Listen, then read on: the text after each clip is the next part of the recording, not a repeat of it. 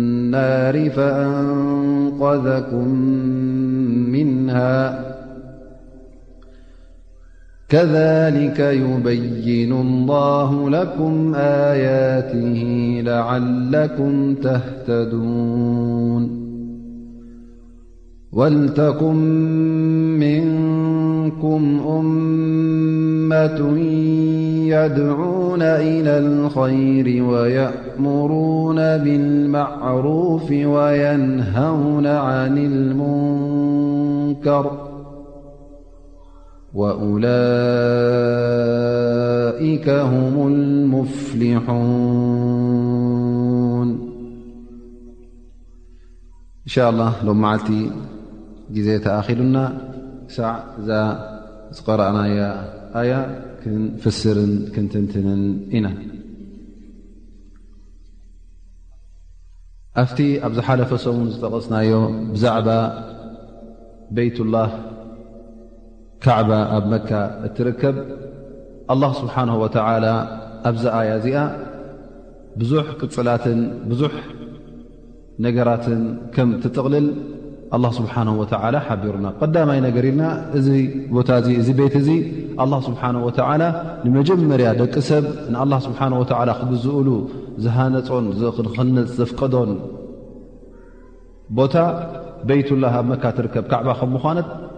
ጠቒስና ነርና እነ ኣወለ በይትን ውዲዓ ልናስ እዚ እቲ ቀዳማይ ብልጫን እቲ ቀዳማይ ብልፀትን ዘለዎን እዚ ቤትላ ስብሓን ወላ ከም ምኳኑ ጠቒስና ብድሕሪኡ እዚ ቦታ እዚ እውን ሙባረክ ከም ዝኾነ በረካ ከም ዘለዎ ኣብ ናይ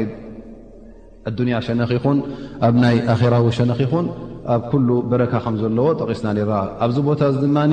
ሁዳ ሓበሬታ ናብ መገዲ ቅንዕና ዝሕብር ኣየት ላ ስብሓ ወ ናይ ኣላ ስብሓ ወ ኣያትን ናይ ኣላ ስብሓ ወ ሓበሬታትን ከም ዘሎውን ሓቢርና እዚ ቦታ እዚ እውን ኣላ ስብሓን ወተዓላ ብዙሕ ተኣምርን ብዙሕ ምልክታትን ገይርሉ ኣሎ ካብኡ እቲ መቃም ኢብራሂም ኣላ ስብሓን ወተላ እቲ ሰይድና እብራሂም ኣብቲ ግዜኦም ኮይኖም ነቲ እምኒ ተተርእሶም ወይ ከዓ ኣብ ርእሲኡ ኮይኖም ነቲ ቤትላ ክነጥቅሉ ዝፀንሑ ኣላ ስብሓን ወተላ እዚ እምኒ እዚ ከም ምልክትን ከም ኣሰርን ተገዲፉ ኣሎ ማለት እዩ ኣላ ስብሓን ላ ከምኡ እውን እዚ ቦታ እዚ ኣማን ከም ዝኾነ ኣብ ግዜ እስልምና ጥራይ እውን ኣይኮነን እንታይ ዳ ከምቲ ጠቐስናዮ ኣያታት ኣላ ስብሓን ወተላ ካብታ ሰማይን ምድርን ዝኸለቀላ መዓልቲ ጀሚሩ ነዛ ቦታ እዚኣ ነዛ ቤት እዚኣ ነዚ ሓረም ተባህለ ቦታ ሓራም ከም ዝገበሮ ኣብኡ እውን እዚ ቦታ እዚ ኣማን ከም ዝገበሮ ነብስኻ ዘይትፈርሃሉ ክትቅተል እየ ክብል ኢልካ ዘይትፈርሃሉ ዝኾነ ሰብ ወላ ኣብቲ ግዜ ጃሂልያ እንከሎ እውን ብኣላ ስብሓን ወተዓላ ዘይኣምኑ ብስእልን ምስልን ኣብ ሽርክን እንከለዉ ነዚ ጉዳይ እዚ የኽብርዎ ነይሮም ማለት እዩ ኣብ መካ ኣብቲ ውሽጢ ሓረም ንንሕዶም እቃተሉን ንንሕዶም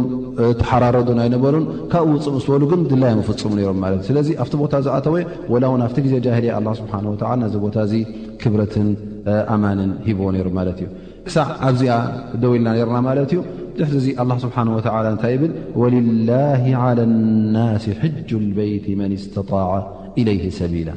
እዚ ኣያ እዚኣ ድማ እንታይ እኣ ተርኢ ኣላ ስብሓን ወተላ ሓጅ ንገዛእ ርእሱ ፈርዲ ዝኾነ ይኹን ኣስላማይ ነዚ ጉዳይ እዚ ንኽገብር ፈርዲ ከም ምኳኑ እተብርህ ኣያ እያ ግን ዕለማ ድማ ብዝያዳ ብሉ ኣላ ስብሓን ወተላ ኣስላማይ ጥራይ ኣይበለን ኣብዚኣ እንታይ ደኣ ወልላሂ ዓለ ናሲ ኩሉ ወዲ ሰብ ኣብዚ ትእዛዝ ዝእት ከም ምዃኑ ብዝያዳ ንመን ምልስ ኣለዉን ይብልካ ዑለማ ነቶም ኣይሁዳውያን ነቶም ኣህልልክታብ ምኽንያቱ እዞም ሰባት እዚኦም እንታይ እዮም ዝብሉ ኩሎም ንእብራሂም ንኣምንሉ ኢና ንኽተሎ ኢና ነኽብሮ ኢና እብሉ ነይሮም እሞ እቲ እብራሂም ዓለይ ሰላም እቲ ነብላ እብራሂም እሱ እንድዩ ነዛ ገዛ እዚኣ ዝነደቐ እሱ እንድዩ ነዛ ገዛ እዚኣ በረካ ዘለዋ ገዛን ር ዘለዋ ዘለዋ ገዛ ንክትከውን ውን ቤት ንክትከውን እውን ዱዓ ዝገበረ እሱ እንድዩ ብትእዛዝ ኣላ ስብሓን ወተላ ነዛ ቤት ዝነደቐ እሞ እንተ ንዕተኽብሩ ኮይንኩምሲ እቲ እሱ ዝገደፎ ኣሰርን እትሱ ዝገደፎ ትእዛዛትን ስለምንታይ ኣብ ግብሪ ዘይተውዕልዎ ኢላ ንዕኦም ትነክእ ኣያ እያ ይብሉ ምክንያቱ ወልላ ዓል ናሲ ኣኑ እሱዩ ንገዛእ ርእሱ እውን ወኣዝን ፊ ናሲ ብልሓጅ ተባህለ እሱዩ እቲ መጀመርያ ሰብ መጀመርያ ሓጅ ዝኣዘዘ መን እዩ ነብላ እብራሂም ዓለይ ሰላም ስለዚ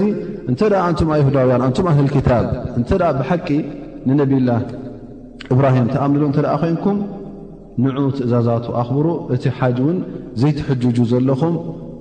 ክትሕጅጁ ኣለኩም ማለት እዩ ንመካ ኣይንሕጅጂ ኢና ክትብሉ የብልኩምን ምኽንያቱ እዚ እዩ እቲ ትእዛዛት ናይ እብራሂም እዚዩ እቲ ዲን ሰይድና እብራሂም ኢሉ ኣላ ስብሓን ወተዓላ ንዕኦም ይትንክፋ ኣሎ ማለት እዩ ወልላሂ ዓላ ናሲ ሕጁ ልበይቲ መን ስተጣዕ ኢለይህ ሰቢላ ከምቲ ኩላና ንፈልጦ ድማ ሓጅ ንገዛእ ርእሱ ሓደ ካብቲ ኣርካን እስላም ካብቲ መእዝን ናይ እስልምና ይኸውን ማለት እዩ እንተ ደኣ እዚ መእዝን እዚ ዘይተረኽበ እቲ ቤት ኣይቆመን ማለት እዩ እቲ ቤት ፀድፍ እዩ ማለት እዩ ስለዚ እዚ ካብቲ ሓደ ቅንድታትን መእዝናትን እስልምና ስለ ዝኾነ ብሓዲስ ብሓዲት ነቢና ሙሓመድ ለ ላ ለ ወሰለም እውን ተመሓላሊፉልና እዩ ኩሎም ኣስላማይ እውን ዝኾነ ይኹን ካብዚ እመት ኣስላም እውን ነዚ ነገር እዚ እውን ዝኽሕድ የለን ኩሎም እውን ይኣምኑሉ እዮም ተቐቢሎሞ እዮም እቶም ዕለማ እውን ክታብ ረብን ብሱና ነብን ተረጋገፀ ስለ ዝኾነ ፈፂሙ ዝኾነ ይኹን ኣስላማይ ዝኾነ ይኹን ዓለም ሓጅ ሱና እዩ ዝበለ የለን ኩሎም እቶም ዕለማ በቲ ኣላ ስብሓን ወላ ዘውረዶ ኣያታትን በቲ ነቢና ሙሓመድ ለ ላ ለ ወሰለም ዘመሓላለፍዎ ሓበሬታትን ሓጅ ፈርዲ ከም ምዃኑ ኩሎም እተሰማምዑሉ እዮም ኣብ መንጎኦም ፈፂሙ እውን ምስሕሓብ ኣይተረኸበን ስለዚ እዛ ሓጅ እዚኣ ፈርዲ ትኹን ድኣ እምበር ግምኡ እውን ኣብ ዕድሜኻ ሓንሳ ኢኻ ንክትገብራ እትእዘዝ ማለት ከም ሰላት ትደጋገም ኣይኮነትን ከም ዘጋት ዓመታዊ ትደጋገም ኣይኮነትን ግን እንተ ደኣ ሓንሳ ጌርካ ነዛ ፈርዲ እዚኣ ፈርድኻ ከቲትካ ማለት እዩ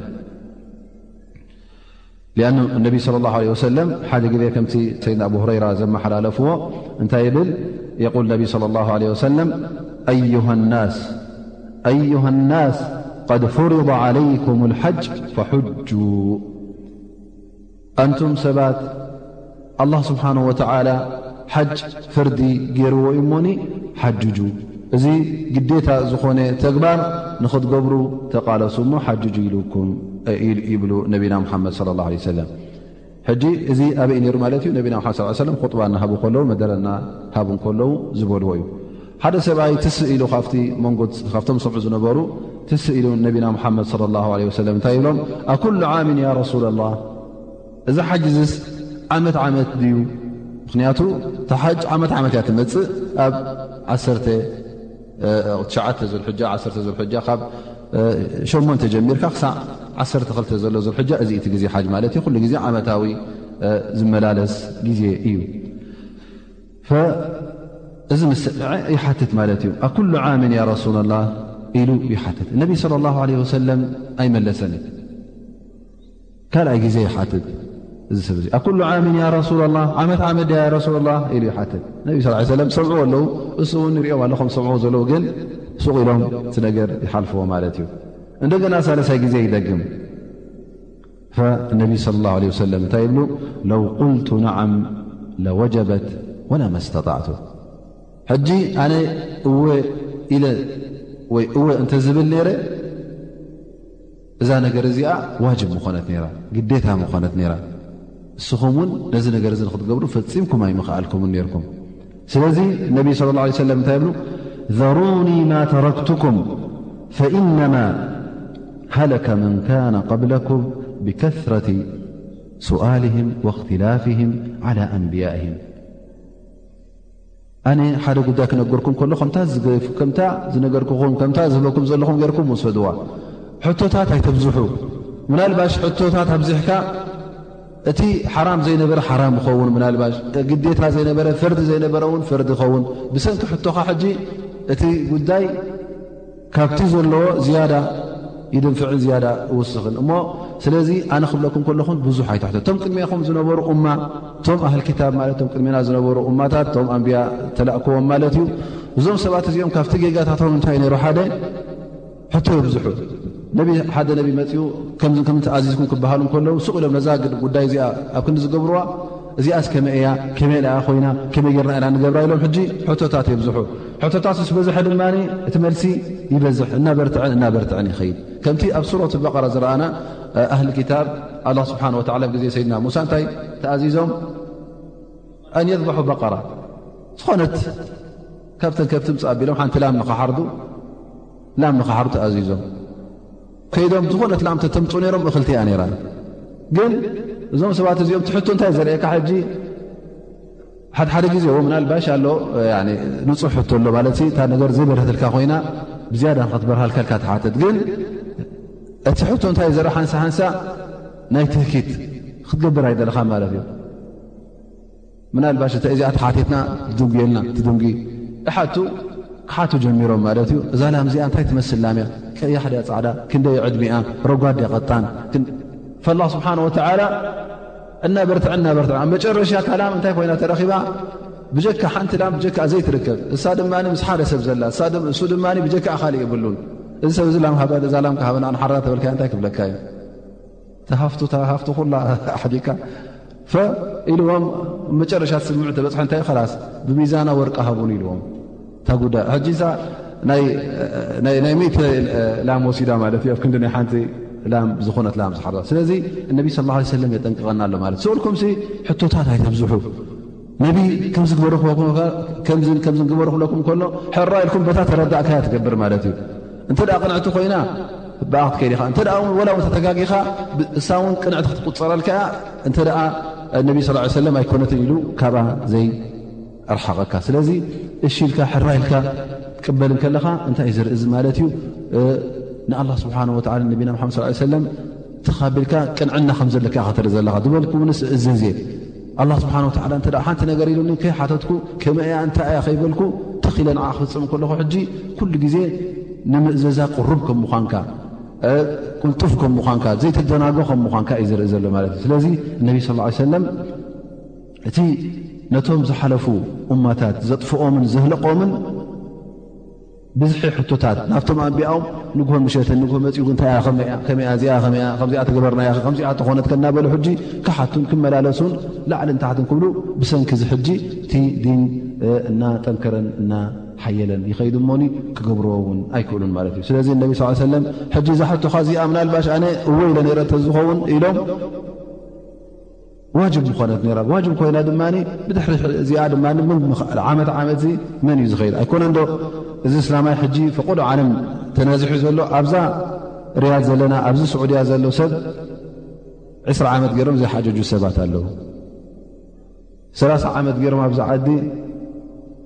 ሓሙሽተ ሚእቲ ቅርሺ ቅድም ሓሙሽተ ሚእቲ ቅቢ ሓሙሽተ ሚእቲ ብሽሕ ቅርሺ ትውዳእ ነራ ሕጂ እናኸፈት እናኸፈት ከይዳ ብሓምላ ወዲ ሓምላ እናተባህለ እቲ ጉዳይ እናጠንከረ ኮይዱ እምበር ቀደም ብሽሕ ቅርሺ ብሓሙሽተ ሚእቲ ቅርሺ እውን እታ ጉዳይ ትውዳእ እያ ነራ ማለት እዩ ስለዚ እንታይ እዩ ዘርእየካ እዚ ሕጂ እቲ ነገር ከምቲ ነቢና መሓመድ ስ ለ ዝበሎ እንተ እታ ነገር ሕራይ ሕቶታት ተርኣ በዚሕዋ እናበርተዐት ትኸይድ ንኹሉ ድማ ዘይክእላ ትኸውን ማለት እዩ ስለዚ ድሕር ዕስራ ዓመት ገርና ኣብ ዓመት ኣብዚ ዕስራ ዓመት ሓንቲ ዓመት ክገብር ዘይከኣልካ እዘን ዕስራ ዓመት ዓመት ዓመት ሓጅ ነይሩ ተዝኸውን ሰብ ተስዓ ካብ ሚእቲ ምጠፍአ ነይሩ ማለት እዩ ምኸሓደ ነይሩ ነዚ ጉዳይ እዚ እውን ኣይመቆመን ነይሩ ማለት እዩ ኣብ ክሕደት እውን ምወደቐ ثم تكملة هذا الحديث ممن لأت نايزي قال نبينا محمد صلى ال علي وسلم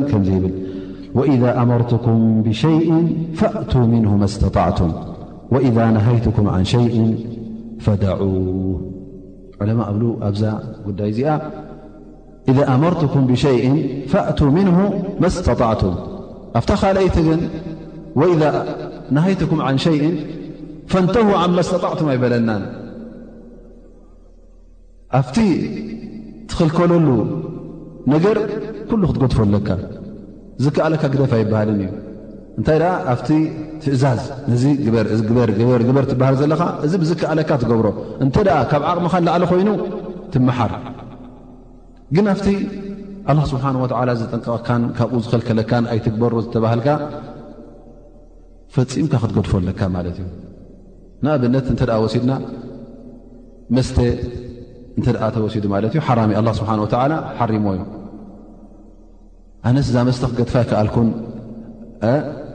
ክእለተይ ዝከኣለ ንገረ እየ ግን እንተ ሓምቕሳብ ሰሙን ሰሙን ሰንበት ሰንበት ኮይኑ ገለገለ ኮይኑስ ቁሩብ ክጥዕም ኣለኒ እንተ ትብል ኮይንካ እንታይ ማለት እዩ ዝሕጂ ኣላ ስብሓን ወተላ ፍታ ሽሙ እንዲሩ እኳ ላ ዩከሊፉ ላሁ ነፍሰን ኢላ ውስዓ ነታ እዚኣ ተኽእለተይ ኣይትበሃልን እያ ግን ኣብቲ ትእዛዝ ኣብቲ ግብሪ ትገብር ከለኻ ፋእቱ ምንሁ መስተጣዕቱም ዝከኣለካ ትገብር ኣብቲ ግደፎ ሕደጎ ኣይትቕረቦ ተባልካ ግን ፈፂምካ ክትቀርቦ የብልካ ኣነ ይክእሎን ኣነ ከቢዱኒ ክትብል የብልካ ስለዚ እዚኣ ሕጂ እነቢ ስ ሰለም ርዮ ኣብቲ ቃላት ናቶም እውን እቲ ቃሎም ምዙን ከም ዝነበረ እቲ ትእዛዝ በይኑ እዩ እቲ ትኽልከሎ ዘለካ ድማ በይኑ እዩ ከመይ ከመይ ጌርካ ነቲ ተኣዘዝካዮ ክትገብሮ ከም ዘለካ እቲ ተኸልከልካዮ ድማ ከመይ ጌርካ ከም ትኽልከል ነቢና ሙሓመድ ለ ላ ለ ወሰለም ይሕብሩና ሓጅ እውን ኣላ ስብሓን ወተዓላ በቲ ራሕመቱ ዝኾነ ይኹን ወዲ ሰብ ዝኾነ ይኹን ኣስላማይ ንክሕጅጅ ይኣዝዝ ድኣ እምበር ግን መን ስተጣዕ ኢሉና ማለት እዩ ሕጂ እውን እዚኣ ሪኢኹም ኣለኹም እታ ስጣዓ ትመፅእ ኣላ ማለት እዩ ኣብ ሓጅ ሰላት እውን ትእዘዝ ኢኻ እቲ ስጣዓ ናት እውን ብዝከኣለካ መጠን ትገብሮ ማለት እዩ ግን ክትገድፎ የብልካ ፈፂምካ ወላ ኮፍ ኢልካ ወላ ደቂስካ ወላ ብጎቦ ኮንካ ወላ ብገለ ኮንካ ክትሰግድ ወላ ብዓይንኻ ውን ትሰግድ ማለት እተ ኩሉ እንትናኻ ዘይንቀሳቀስ ኮይኑ ማለት እዩ ፋእቱ መስተጣዕቱም ሓጅ ግን ዝተፈለየት ማለት እዩ እንተ ዘይከኣለካ ኮይኑ ሓጅ ኩሉ ክትገድፎ ትኽእል ማለት እዩ ስለዚ ኣብ ምንታይ ሓፂራ ኣላ ማለት እዩ ኣብ ናይ ክእለት ማለት እዩ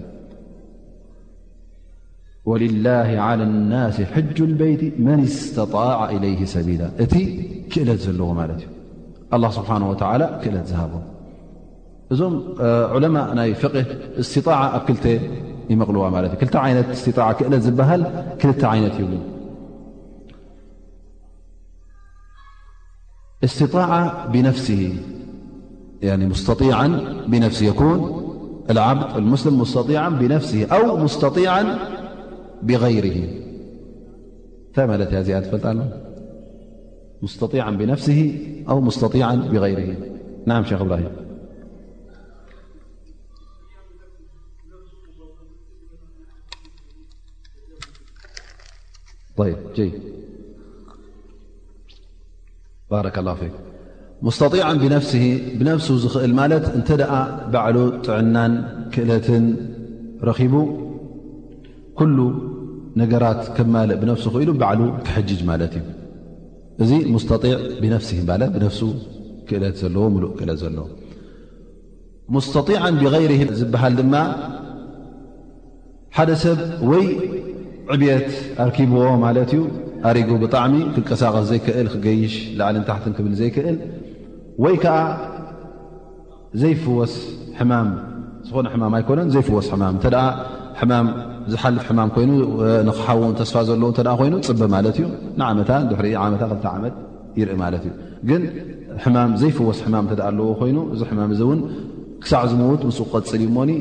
ንክሕጅጅ እውን ዘይክእል እተ ኮይኑ እዚ ሰብ እዚ ብነፍሱ ሕጂ ኣይከኣለን ግን ምናልባሽ ሰብ እዚ ገንዘብ ይህልዎ ሃብታ ምኸውን ብገንዘቡ ንመን ይሓጅጅ ማለት ንሰብ ይሓጅጅ ንዓ ፍላን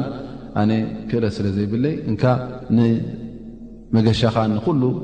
ነገራት ከኣ ነኽእለልካ በዚ ገንዘብ እዚ ንዓይ ሓጅጀለይ ኢሉ ብካልእ ሰብ ሕጅጅ ማለት እዩ ወይ እሱ እውን ገንዘብ ታዳ ዘይብሉ ኮይኑ ወይ ወዱ ወይ ኣቦኡ ወይ ሓዉ ወይ ዝኾነ ይኹን ዝፈትዎ ሰብ ኣብ ክንድኡ ገንዘብ ኣውፅኡ ንፍላን ሓጅጀሉ ክብለካ እንከሎ እዚ እውን ሙስተጢዓን ብغይር እበሃል ማለት እዩ ስለዚ እንተ ደኣ ወይ ብነፍሱ ክእለት ኣለዉ ኮይኑ ወይ ከዓ ብካልእ ክእለት ኣለዉ ኮይኑ ብኩሉ እንተ ክእለት ተረኪቡ እዚ ሰብ እዚ ንክሕጅጅ ግዴታ እዩ እዚ ሰብ እዚ ንክሕጅጅ ግዴታ እዩ ማለት ክእለት ተረኪቡ እዩ ክእለት እተ ተረኪቡ ድማ ፈፂሙ ሓጅ ከደንጉያ የብሉን ኣብታ ግዜኣ ቀልጢፉ ክገብራ ኣለዉ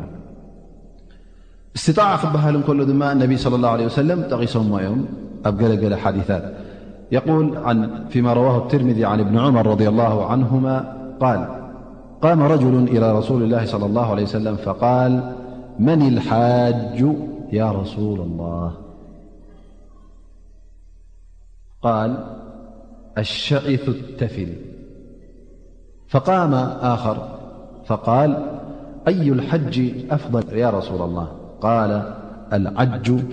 والثج ثم قام رجل آخر فقال ما السبيل يا رسول الله فقال الزاد والراحلة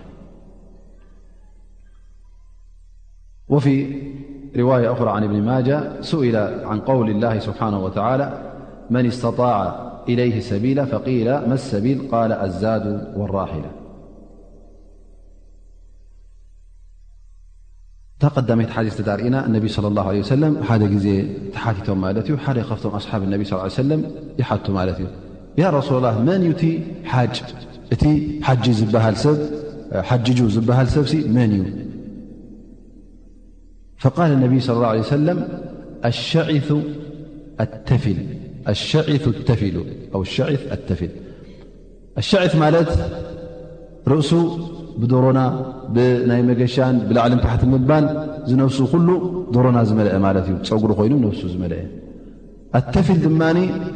በዚ ናይ ሓጅ ምንቅስቃሳት እውን እቲ ነፍሱ ስውነቱ ኩሉ ዝጨነወ ማለት እዩ ብዝያዳ ኣብቲ ግዜ እቲ ክኸዱ ከለዉ ነዊሕ መገሻ ስለ ዝገሹ ዝነበሩ ቀሳቀሱ ላዕሊ ታሕቲ ስለ ዝብሉ ዝነበሩ ሕጂ ክትሪኦ ከለካ ኣብቲ ሓጅ ድማ ላዕሊ ታሕትን ኣለካ ማለት እዩ ኣብ ሓደ ቦታ ይኮንካን ጠዋፍ ኣለካ ሰዓይ ኣለካ ካብ መካ ንሚና ምካት ካብ ሚና ዓረፋ ካብ ዓረፋ ንሙዝደሊፋ እንደገና ጀመራት ላዕልን ታሕትን ስለ ዘለካ እዚ ኩሉ ሕጂ እንታይ ኢኻ ተውፅእ ዘለካ ማለት ዩ ጉልበት የድልየካ ሓይሊ የድልየካ ምንቅስቓሳት ኣለካ ኣብዚ ምንቅስቓሳትካዚ ድማ ኩሉ ግዜ ብዝሒ ሰብ ስለ ዘሎ ዶሮና ስለ ዘሎ ኩሉ ግዜ እንታይ እዩ ዝረአ ማለት እዩ ሕጂ እቲ ነፍስኻ ኩሉ ብረሃፅ ይኹን ብዶሮና ይኹን ይጨኑን የብልን ማለት እዩ ሕጂ ግዴታ ኣይኮነን ማለት ከምዚ ክትከውን ግን እንታይ እዩ ዘርእየካ እዚ ነብስኻ ረሲዕካ ሊላህ ኢልካ ላዕልን ታሕትን ክትብል ከለኻ ደሮና ከይገደሰካ ድኻም ከይገደሰካ ነብሰይ ጨንዩ ነብሰይ ፀርዩ ከይበልካ ንሊላህ ስብሓን ወተዓላ ኩሉ ግዜ ብትሕትና ነብስኻ ረሲዕካ ምክንያቱ እዚ ሓጅ እንታይ እዩ ኩሉ እቲ ዱንያ ብድሕሬኻ ደርቢኻ ኣለኻ ማለት ናብ ኣላ ስብሓን ወተላ ክትቀርብ ከለኻ እቲ ክዳውንትኻ ውን ኣውሊቕካ ነታ ኢሕራም ትበሃል ሪዳእ ወኢዛር መዕጠቕን ብመጎልበብን ነፀላ ጌርካ ናብ ኣላ ስብሓን ወተዓላ ለቤክ ኢልካ ፃውዒት ኣላ ስብሓን ወተዓላ ተቐቢለ እናበልካ ወሆይ ኣንታ ኣላ ስብሓን ወተዓላ ናባኻ እመፅእ ኣለኹ ፃውዒትካ እምልስ ኣለኹ እናበልካ ናብ ኣላ ስብሓን ወተዓላ እናመፃእካ ሕጂ ኩሉ ኣዱንያ ናይ ኣዱንያ ደስታ ረሲዐ ክትብል ከለኻ ሕጂ እውን እታ ነብሰይ እውን ረሲዐ ኣለኹ ኩሉ ልበይን ኩሉ ሃንቀውታይን ናትካ ፍቶትን ናትካ ሪዳ ንምርካብ ኢልካ ናብ ኣላ ስብሓን ወተዓላ ክትቀርብ ከለኻ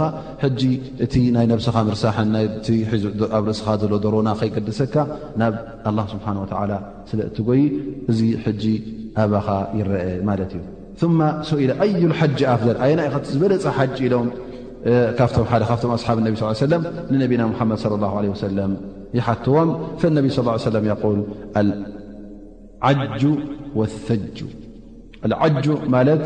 ረፍዑ ሰውት ድምፅኻ ዓው ኣቢልካ ተክቢር ምግባር ተልብያ ምግባር ንኣላ ስብሓን ወተዓላ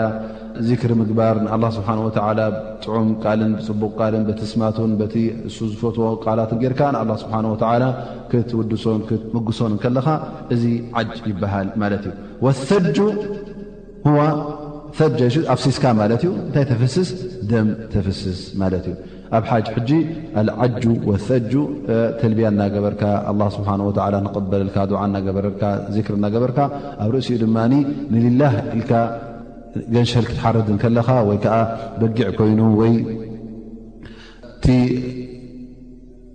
ኣላ ስብሓን ወተዓላ ዘፍቀዶ ጥሪት ካብ ገመል ጀሚርካ ብከብቲ ጌርካ ኣብተን ኣባጊዕን ኣጣልን እዚ እዩ ክሕረድ ዝፍቀድ ካብኡ ክትሓርድ ከለኻ ደም ክተፍስስ ከለኻ ንሊላ ኢልካ ናብ ቁርባን ናብ ኣላ ስብሓን ወተዓላ ክትቀርብ ከለኻ እዚ እቲ ዝበለፀ ሓጅ እዩ ኢሎም ነቢና ሙሓመድ ለ ላ ለ ሰለም ብድሕሪኡ እታ ነዛ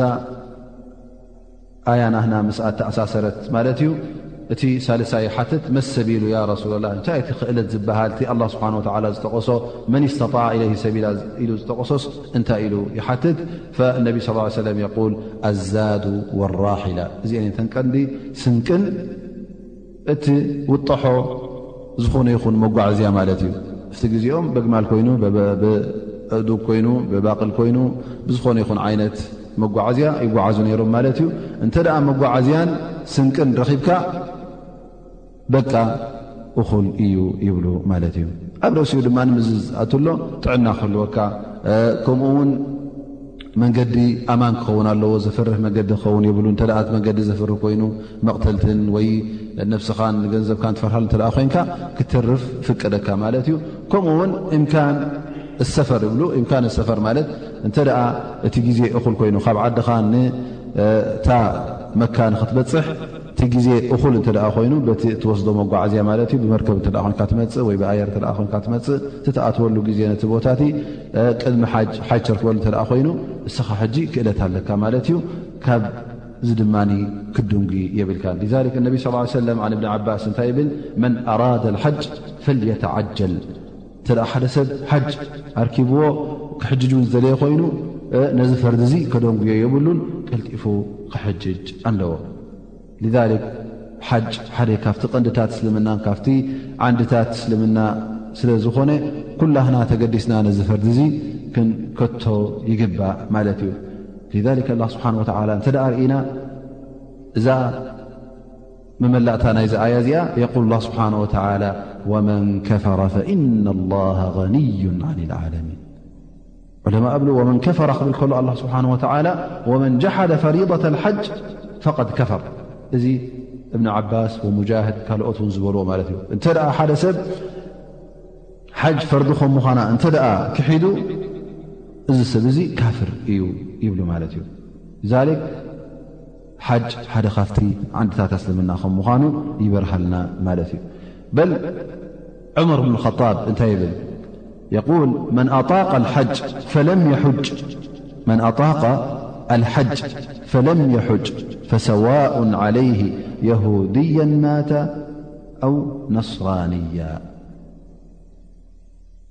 እተ ሓደ ሰብ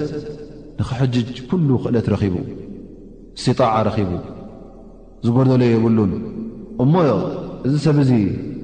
ኣይሓጀጀን ክሳዕ ዝመውት በዛ ጉዳይ እዚኣ እተ ፀኒሑ እዚስ ከም ድላ ዩ እተደልዩ የሁዲ ኮይኑ ይሙት እተደልዩ ነስራኒ ኮይኑ ይሙት ይብሉ ዑመር እብንልከጣብ ምክንያቱ እንተ ኣላ ስብሓን ወተላ ክእለት ሂቡካ ሕጂ ፈርድካ ይከተትካን ማለት እዩ ፈርዲ እተ ጎዲድካ ድማ ዓቢ ነገር ጎዲድካ ማለት እዩ ኣላ ስብሓን ወተላ እውን ሕጂ ክብለና ከሎ ነዚ ቤተይ ብፅሕዎ ክብል እንከሎ ፀሚዎ ኣይኮነን ንዕኡ ከነዘናግዑ ኣይኮነን ገንዘብና ሒዝና ኣብኡ ከይድና እውን ንዕኡ ንክንቦ ኣይኮነ እዚ ኩሉ ንገብሮ ንዓና ዝያዳ ሃብትን ዝያዳ ሰናይን እንድልበሉ ከም ምዃኑ ክንርስዕ የብልናን። ኣላ ስብሓን ወተዓላ እውን ኣብዚ ኣያ እዚኣ የዘኻኽረና። ወመን ከፈራ እንተ ደኣ ሓደ ሰብ በዚ ሓጂ እዚ ክሒዱ ወላ እውን እንተ ደኣ ብሕጃጅ ኣብዩ ፈኢና ላሃ ገንዩን ዓን ልዓለሚን ኣላ ስብሓን ወተዓላ ካብ ሙሉእ ፍጡር ኣብዛ ዓለም ዘሎ ካብኡ ዝደልዮ ነገር የብሉን ኣላ ስብሓን ወተዓላ ነፍሱ ብነፍሱ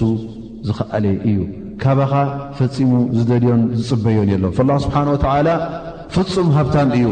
ካብ ሰብ ኣይደሊን እዩ ካብ ፍጡር ኣይደሊን እዩ ፍጡር ካብኡ ክደሊ እንተዘይኮይኑ ንሱ ፈፂሙ ካብ ፍጡር ዝደሊ ኣይኮነን። ስለዚ እዚ ሓጅ ንኽትሕጅጅ ትፅዋዕ ዘለኻ ናብቲ ቤቱ ንኣላ ስብሓን ወተላ ከምቲ ዝበልናዮ ጎዲልዎን እቲ ትስኻ ክትመፅእ ከለኻ እዚ ኩሉ ሰብ ክእከብ እንከሎ ኣላ ስብሓን ወተላ ኣብቲ ሃብቱን ኣብቲ ንግስነቱን ኣብቲ ክብረቱን ኣብ ኩሉ እንትንኦን ዝውሰኾ ነገር የብሉን። ተሪፍካን መጺእካን ንኣላ ስብሓን ወተዓላ እትውስኸሉን እትንክየሉን ነገር የብልካን እቲ ጥቕምን ትረብሓን ንመን እዩ ንዓኻ እዩ ኣንታ ባርያ ኣንታ ወዲ ሰብ ስለዚ ትእዛዝ ኣላ ስብሓን ወተዓላ ክትሰምዕ ከለኻ እስኻ ኢኻ ትረብሕ ዘለኻ እንተ ደኣ ነዚ ትእዛዝ እውን ነፂግካ ንስኻ ኢኻ ነፍስኻ ተዋርድን ኣብ ክሳራ ተውድቓን ዘለኻ ላ ስብሓን ወተዓላ የብርሃልና ኣሎ ማለት እዩ ወመን ከፈራ ፈኢነ ላሃ ኒዩን ዓላ ዓለሚን በዚ ነገር እዚ እተ ክሒድካ ነዚ ነገር እዚ እተ ዘይተቐበልካ ኣላ ስብሓን ወተላ ኒዩን ዓንክ ካባኻ ዝደልዮ ነገር የለን ካባኻ ውን ዝደሊ ኣይምሰልካ ሎሚ ይደሊ ፅባሕ ኣይደሊ እንታይ ደኣ እስኻ ኢኻ ንኣላ ስብሓን ወተላ ፅባሕ ንግሆ ኣንታ ረቢ ኣነስ ከምዝን ከምዝ እናበልካ ክትመላመልን ብትሕትና ክትዛረብን ኣነስ ተጋጊኤ ኣነስ ናእተትመልሰኒ ነይሩ ሕጅስ ከምዚ ከምዚ ናይ ገበርኩ ነበርካ እናበልካ ንኣላ ስብሓን ወተላ ክትጠዓስን ኣብ ቅድሚ ኣላ ስብሓን ወተላ ከምዚ ዓይነት ክትዛረብን ክትርከብ ኢኻ ስለዚ እዚ ኣኼባ እዚ ድማ እዚ ሓጂ እዚ ኣላ ስብሓን ወተላ ዝገበሮ ልክዕ ነቶም ኣስላም ኩሎም ኣብ ሓደ ቦታ ተኣኪቦም ኣብ ሓደ ዓዲ ሓደ ዓይነት ልባስ ተኸዲኖም ብሓንቲ ዓይነት ቃል ብሓንቲ ዓይነት ኣከያይዳን ተኣኪቦም ኩሎም ሓደ ህዝቢ ሓደ እማ ምዃኖም ናብ ኣላ ስብሓን ወተላ ብሓደ ዓይነት ዕባዳ ነዚ ኣላ ስብሓን ወተላ ሓደ ከም ምዃኑ ኣሚኖም እቲ ትእዛዙ ዘኽብሩ ከም ምዃኑ እዛ እማ እዚኣ እውን ኩሉ እስላማይ ሓደ ከም ምዃኑ እተኣሳስር ዓመታዊ ኣኼባን ዓመታዊ ምርኻብን እዩ ኣላ ስብሓን ወተዓላ እንተ ርእና ነዛ እማ እዚኣ በቢ ዓይነቱ ምርኻባት ገይሩላ ማለት እዩ መዓልታዊ እትራኸበሉ ኣብ ሰላት ኣብ መስጊድ ኣብ መዓልቲ ሓሙሽተ ሻዕ እትራኸብ ካብኡ ዕብይ ዝበለ ድማ ኣብ ሰሙናዊ እትራኸበሉ ጅምዓ እቲ ህዝቢ ብዝያዳ ዝራኸበሉን ብዝያዳ ዝቀራረበሉን ብሕውነትን ብደስታን ዝራኸበሉን ናይ ጅምዓ ሰላት ኣልጅምዓ ተገይርዎ ማለት እዩ ካብኡ ሓሊፉ ድማ ዓመታዊ ዝርከብ ናይ ዒድ ፈጥሪ ኣሎ ማለት እዩ ዒድ ፈጥሪ ድማ ዝኾነ ይኹን ዓዲ ብዝያዳ ኣብ ሓደ ቦታ ተኣኪቡ እቲ እስላማይ ነነድሐዱ ብሓደ ሰጊዱ ብሓደ ኢማም ድሕሪ ሓደ ኢማም ሰጊዱ ኩሎም ውን ሓደ ዓይነት ተክቢር እናገበሩ ኣብ ሓደ ቦታ ተራኺቦም ኩሎምን ትሕውነቶምን ትደስተኦምን ብሓደ ይገልፅዎ ማለት እዩ ብድሕሪኡ ድማ ዝዓበየ ድማ ዓመታዊ ኣኼባ እንተ ርእና እቲ ኩሉ እማ ኣስላም ዝራኸበሉ ኣብ ዝተፈላለየ ቦታ ዘይኮነስ ኣብ ምንታይ ኣብ ሓንቲ ቦታ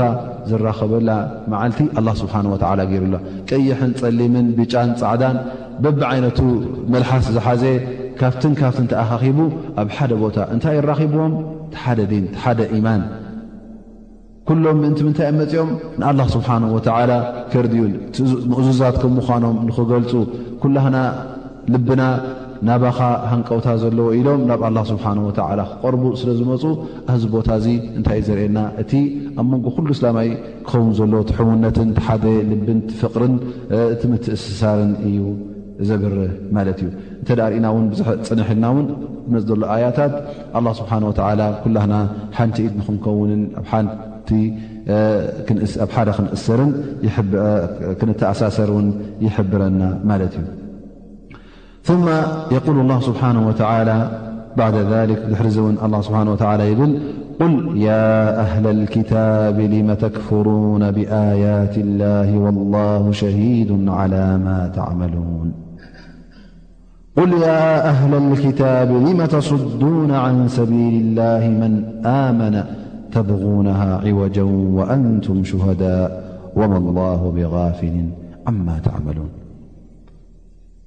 ኣላ ስብሓን ወተላ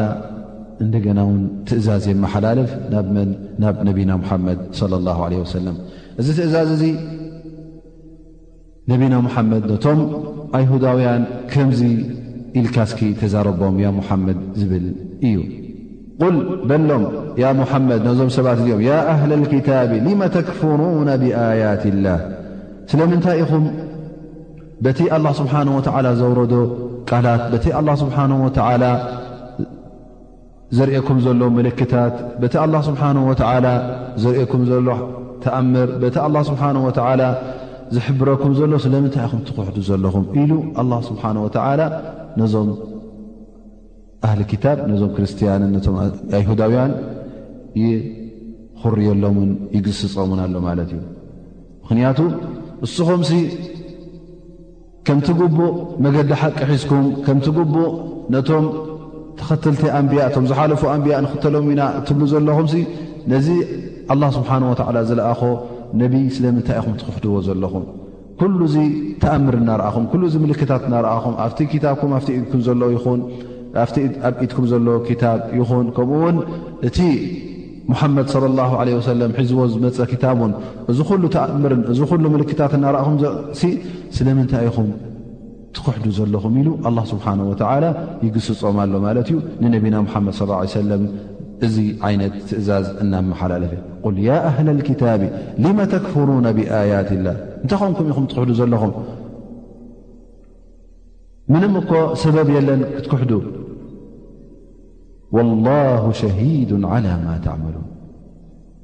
እዚ እትገብርዎ ዘለኹም ኣላ ስብሓን ወተዓላ ሎም መዓልቲ ይርዮን ይዕዘቦን እዩ ዘሎ ፅባሕ ንግሆ ድማ በዚ እትገብርዎ ዘለኹም ኣላ ስብሓን ወተዓላ ክቐፅዓኩም እዩ ምኽንያቱ ኣላ ስብሓን ወተዓላ ዝሕብኦ ነገር ስለ ዘይብሉ ኩሉ ነገራት ኩሉ ትብልዎ ዘለኹም ይሰምዖ ኩሉ ትገብርዎ ዘለኹም ይርኦ ኩሉ ምንቅስቃሳትኩም ይፈልጦ ስለ ዝኾነ ካብ ኣላ ስብሓን ወተዓላ ተሓቢእኩም ትገብርዎ ነገር ፈፂሙ የለን ስለዚ ፅባሕ ንጎ ኩሉ እቲ ትገብርዎ ዘለኹም ኩሉ እቲ ትብልዎ ዘለኹም ኩሉ ትገብር እቲ ትንቀሳቀስዎ ዘለኹም ኣላ ስብሓን ወተዓላ ፅባሕ ንግሆ ኣኪብዎ ክፀንሕ እዩ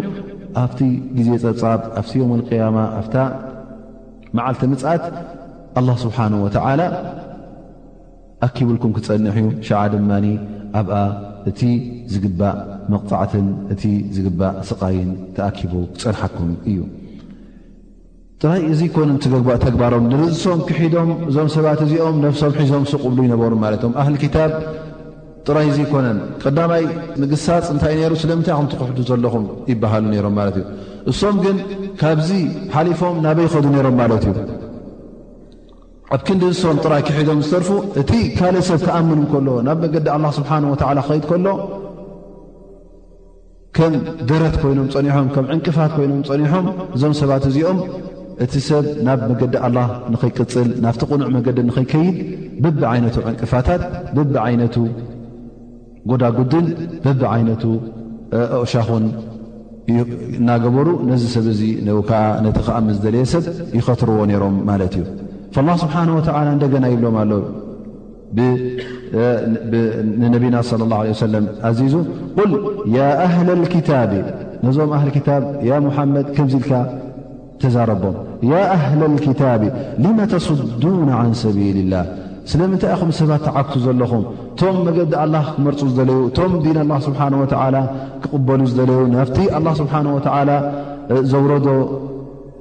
ክኣትዉን ናብቲ ኣላ ስብሓን ወተዓላ ዝረኣኾ ነቢ ንዕኡ ክስዕቡ ዝደልዩ ዘለዉ ስለምንታይ ኢኹም ትኽልክልዎም ዘለኹም ቁል ያ ኣህለ ልክታቢ ሊመ ተስዱና ዓን ሰቢል ላህ መን ኣመነ እቲ ዝኣመነስ ስለምንታይ ኢኹም ናብቲ መገዲ ሓቂ ንኸይኣቱን ናፍቲ ሒዝዎ ዘሎ ሓቂ ንኸይቅፅል ድማ ስለምንታይ ኢኹም ትዓግትዎን ዕንቅፋት ትኾንዎ ዘለኹም ኢሉ ኣላ ስብሓን ወተዓላ ይኹርየሎም ኣሎ ማለት እዩ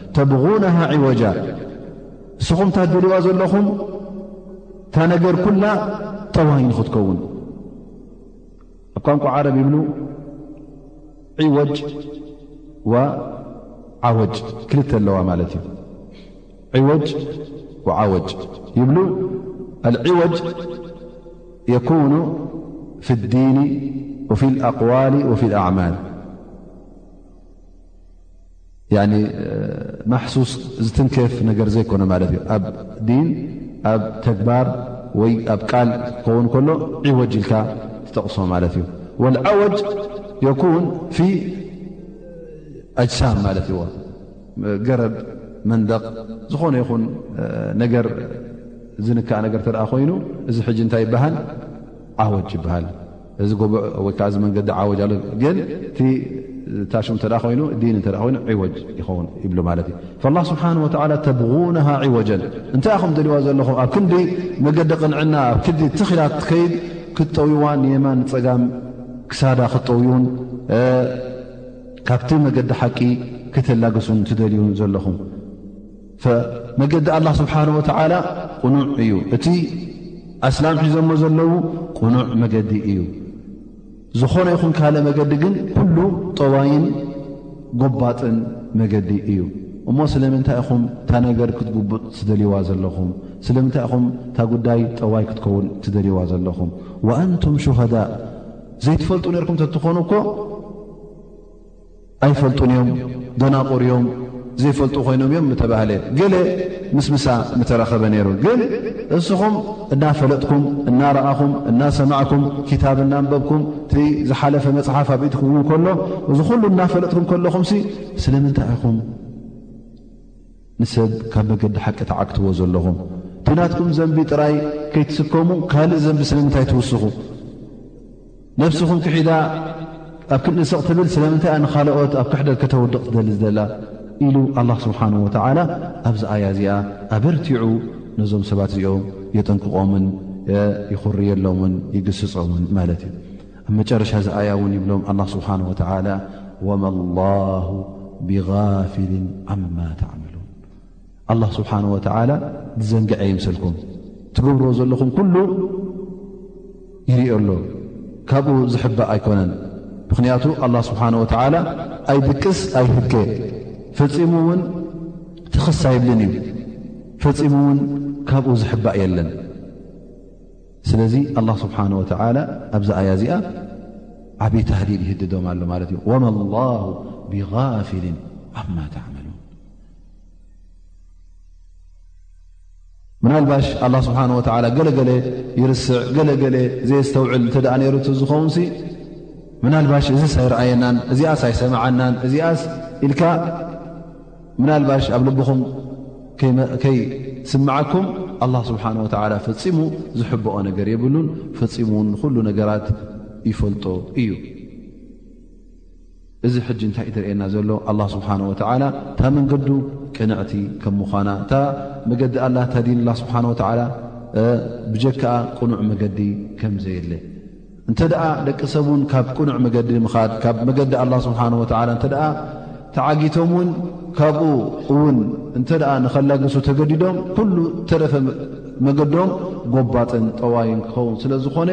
እዞም ሰባት እዚኦም ዝገብርዎ ዘለዉ ናይ ነፍሶም ብልሽውና ጥራይ ኣይኮነን እንታይ ደኣ ናይ ሙሉእ ዓለም እዮም ዘበላሽዉ ዘለዉ ማለት እዩ። ስለዚ እቲ ብልሽውና እውን ጥራይ ኣብ ነብሶም ኣይክተርፍን እዩ ኣብ ኩሉ እውን ክንዛሕ እዩ ስለዚ ትዘንቦም እንታይ ይኸውን ኣሎ ማለት እዩ ናቶም ገበን ብጣዕሚ ይዓቢ ማለት እዩ ሽዑ ውን እዚ ገበን እዚ እተ ገዚፉን እተ ዓብዩን ብዮም ቅያማ ውን ዘናግፎም የብሎምን ካብቲ መቕፃዕቲ ኣላ ስብሓን ወተላ ውን ዘርሕቆም የለን ኣብታ ኣላ ስብሓን ወላ ኣዳልሎም ዘሎ ሓዊ ጀሃንም ኣብኣ እዮም ክኽተቱ ብድሕሪ እዚ ኣላ ስብሓን ወተላ ነቶም ኣህለልክታብ ንዕኦም ክጠቅስ ፀኒሑ ናብ መን ግልፅ ይብል ማለት ም እዚ ከይኣክል እውን እንታይ እዮም ዝገብሩ ዘለዉ ኣብዚ መንገዲ ዝመፀ ሰብ ይዓግትዎ ይኽልክልዎ ብዝኾነ መንገዲ ካብቲ ሒዝዎ ዘሎ መገዲ እምነት ወይ ክወፅእ ወይ ናብ መገዲ እምነት ብቐንዱ ንኸይኣቱ ይቃለሱ ማለት እዩ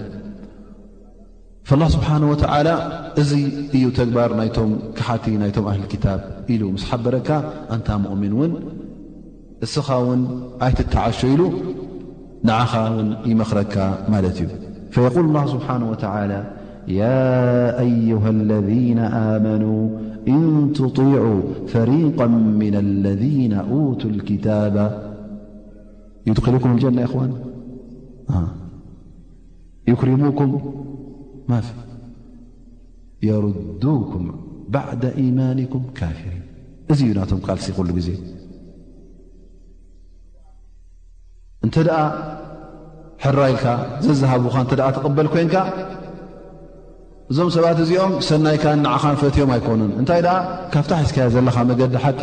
ካብኣ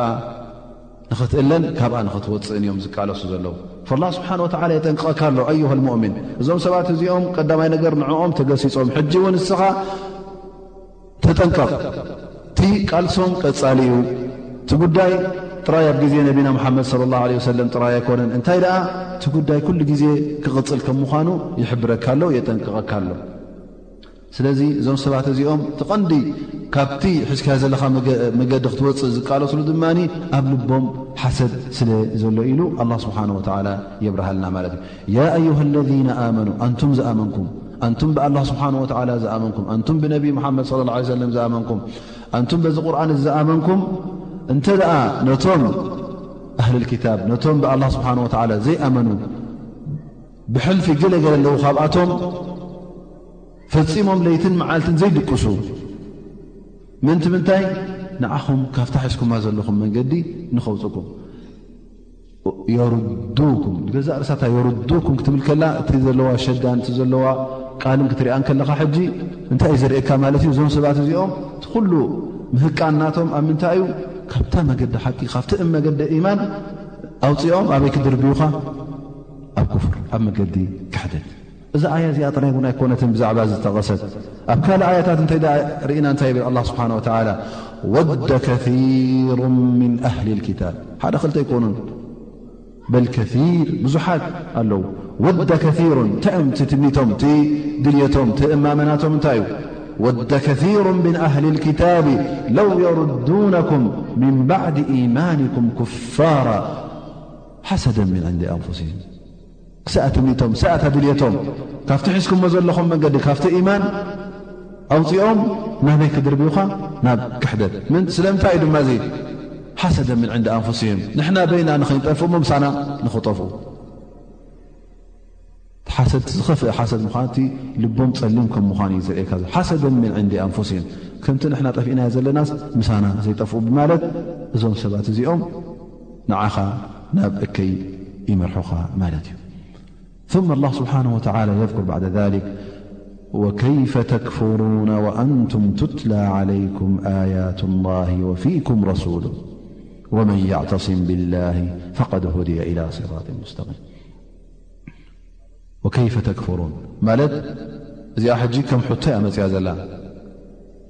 ከመይ ኢልኩም ኢኹምሞ ክትክሕዱ? እዚ ሕጂ ሕቶ መልሲ ዝደሊ ኣይኮነን፣ እንታይ ደኣ ፈጺምኩም ኣይትኽሕዱን ኢኹም ማለት እዩ። ሓሻኩም! ንስኹምሲ ኣንቱም ኣብ ግዜ ብዝያዳ እቶም ኣብ ግዜ ነቢና ሙሓመድ ሰለ ላሁ ዓለይሂ ወሰለም እቲ ጉዳይ ንዕኦም ይርኢ ማለት እዩ። ሊኣን ላ ስብሓ ወከይፈ ተክፍሩና ወኣንቱም ቱትላ ዓለይኩም ኣያት ላሂ ወፊኩም ረሱሉ ከመይ ጌርኩም ኢኹም እሞ ክትክሕዱ እስኹምሲ እዚ ኹሉ ፈልን እዚ ኹሉ ብልጸትን እዚ ኹሉ ኒዕማን ኣብ ቅድሚኹም እንከሎስ ከመይ ጌርኩም ኢኹም እሞ ትክሕዱ ዝደልኹም ዘሎ ፈጺምኩም እስኹም እኮ ብፈድሊላህ ስብሓን ወተዓላ ትክሕዱ ኣይኮንኩምን ምኽንያቱ ቀዳማይ ነገር ለይትን መዓልትን እቲ ክታብ ኣላ ስብሓን ወተዓላ ንግሆን ምሸትን ለይትን መዓልትን ይወርድ ኣሎ ካብ ኣላ ስብሓን ወተዓላ ወሓ ይወርድ ኣሎ እና ድማ ነቢ ሙሓመድ ለ ላሁ ለ ወሰለም ኣብ ቅድሜኹም እሱ ድማ በቲ ሒዝቦ ዘሎ ተኣምር በቲ ዝብለኩም ቃላትን በቲ ዝህበኩም ሓበሬታትን ዚ ኣብ ጥቓ ነቢ ሙሓመድ ስ ሰለም ስለ ዘለኹም ፈፂምኩም በቲ ሶም ዝገብርኩም ዘለዉ ውዲት ፈፂሞም በቲ ሶም ዝሓስብዎ ዘለዉ ትኽሕዱ ኣይኮንኩምን ምናልባሽ እዚ ነገር እዚ እውን ኣብ ግዜ ነቢና ሙሓመድ ስለ ላሁ ለ ሰለም እንተነበረ ንሕና እውን ኣብዚ ግዜና እቲ ክታብ ከምቲ ኣብ ግዜ ነቢና ሙሓመድ ስለ ላ ሰለም ዝነበረ ኣላ ስብሓን ወተዓላ ስለ ዝሓፈዘልና ኣላ ስብሓን ወተዓላ ስለ ዝሓለወልና እውን በዚ ክታብ እዚ ሕጂ ኣሚንና ብኡ ቀጥ ኢልና ክንከይድ ከለና ፈፂምና ካብቲ መገዲ ኣላ ስብሓን ወተዓላ ኣይንወፅእን ኢና ምክንያቱ ኣላ ስብሓን ወተዓላ ስለምንታይ እዩ ነቢና ሓመድ ስ ሰለም ናይ መጨረሻ ነቢይ ገይርዎ ምኽንያቱ እታ ቁርን ስለ ዝሓፈዛ እታ ቁርን ስለ ዘይትሕፈዝ ነራ ትኸውን ከምተን ዝሓለፋ ክታብቲ እንደገና ኣንቢያ ልኡኻት መድለዩ ነይሮም ግን ኣላ ስብሓን ወተዓላ ነቢና ሙሓመድ ስ ሰለም መደምደምታ ኣንቢያ መደምደምታ ልኡኻት ገይርዎ ግን ነቲ ሒዝቦ ዝመፀ ክታብ ነቲ ሒዝቦ ዝመፀ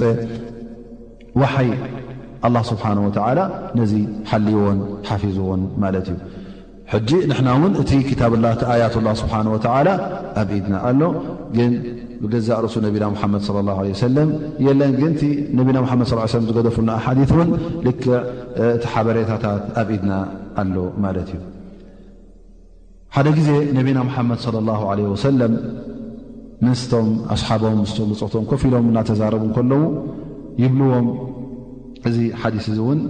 ጠበራኒ ዘመሓላለፎ ማለት እዩ እንታይ ይብሉ ኣዩ ልሙእምኒና ኣዕጀቡ ኢለይኩም ኢማና መን እቲ ሙእምን ኢልኩም እቲ ግረምሉን እቲ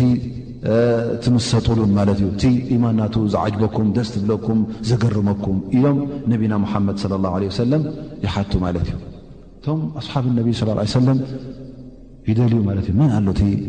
ብሉፅ ኢማን ዘለዎ እቲ ዝሓሸ እቲ ዝበለፀ ኢማን ዘለዎ ኢሎም ይደልዩ ማለት እዩ ዘገርም ኢማን ዘለዎ ሓሲቦም ሓሲቦም ሓሲቦም ኣልመላካ ይብሉ ያ ረሱላ ላ መላካ ምክንያቱ እሶም ብዝያዳ ካብ ወዲ ሰብ ክእለት ስለ ዘለዎም ናብ ኣላ ስብሓን ወላ ቁርባት ስለ ዝኾኑ እሶም ውን ፈፂሞም እቲ ኣላ ስብሓን ወላ ዝኣዘዞም እንተዘይኮይኑ ንኣላ ስብሓን ወላ ዘይትእዛዝ ኣላ ስብሓ ወላ ዘይሰብሩን ካብቲ ዝሃቦም ትእዛዝ ዘይወፁን እሶም ስለ ዝኾኑ ነቶም መላእካ ኢሎም ይዛረቡ ማለት እቶም ኣስሓብ ነቢይ ለ ላ ለ ወሰለም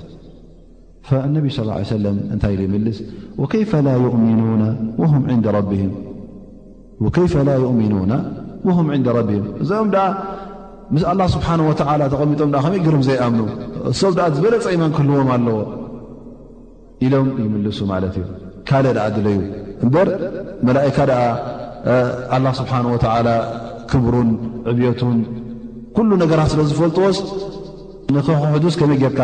ኣብ ርእሲኻ መጽእ? እቲ ኢማኖም ዝበለጸን ዝለዓለ ንኸውን ደኣ እምበር ካልእ ደኣ ድለዩ ኢሎም ንነቢና ሙሓመድ ስለ ላ ሰለም ይምልሱሎም ማለት እዩ።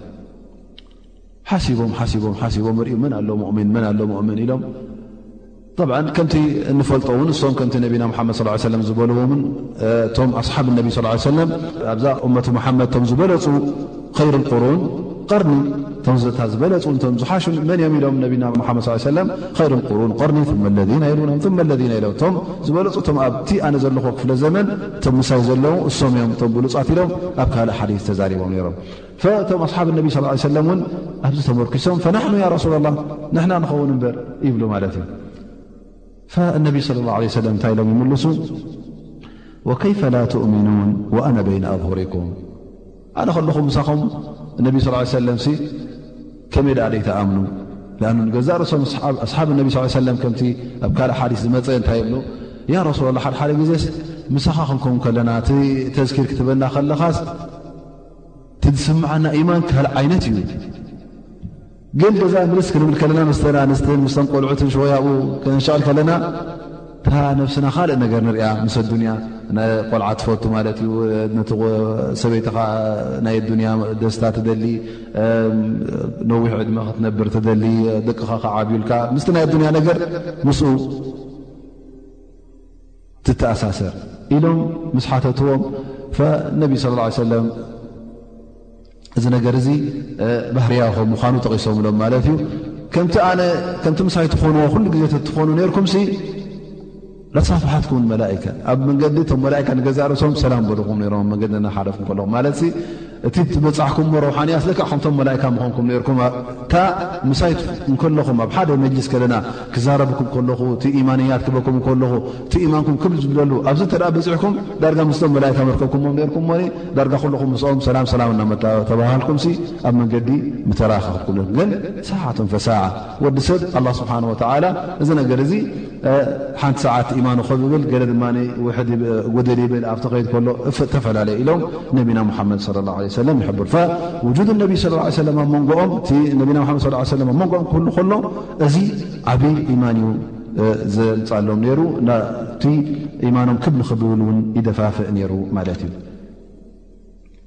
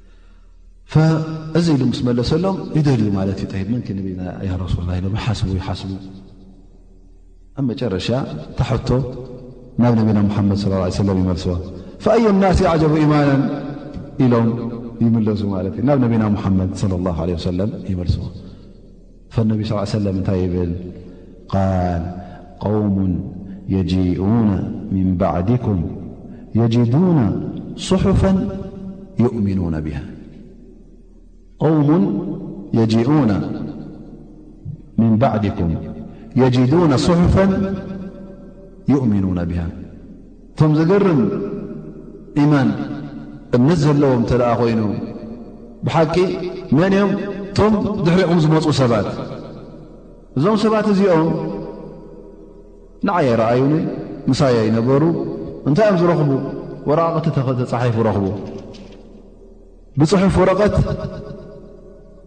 ይኣምኑ በዚ ፅሑፍ ወረቐት ኣላ ስብሓን ወተላ ከም ዘሎ በዚ ፅሑፍ ወረቐት ከም ዝኣዘዞም በዚ ፅሑፍ ወረቐት ኣንቢያ ከም ዝነበሩ ኣነ ከም ዝነበርኩ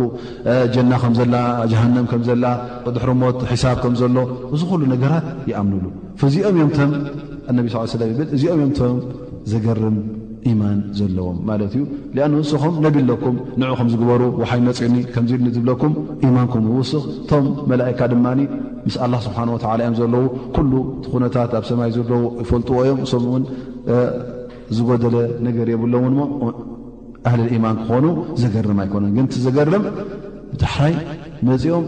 ነቢ ረኣዩ መላእካ ይረኣዩ ገለ ይረኣዩ እዞም ሰባት እዚኦም ብክታብቲ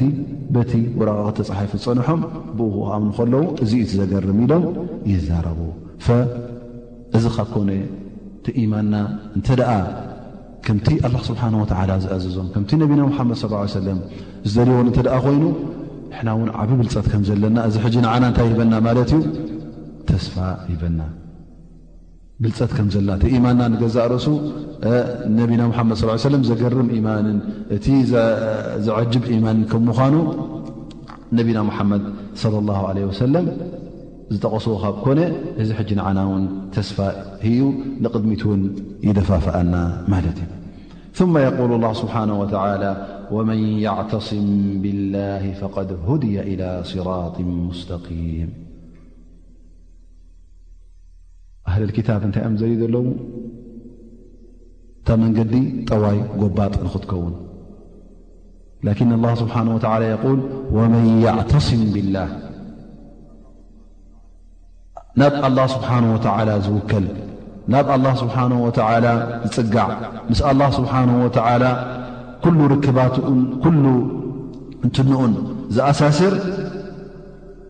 እዚ ሰብ እዚ ኣላ ስብሓን ወተዓላ ናብ ቅኑዕ መንገዲ ዝሓበሮ እዩ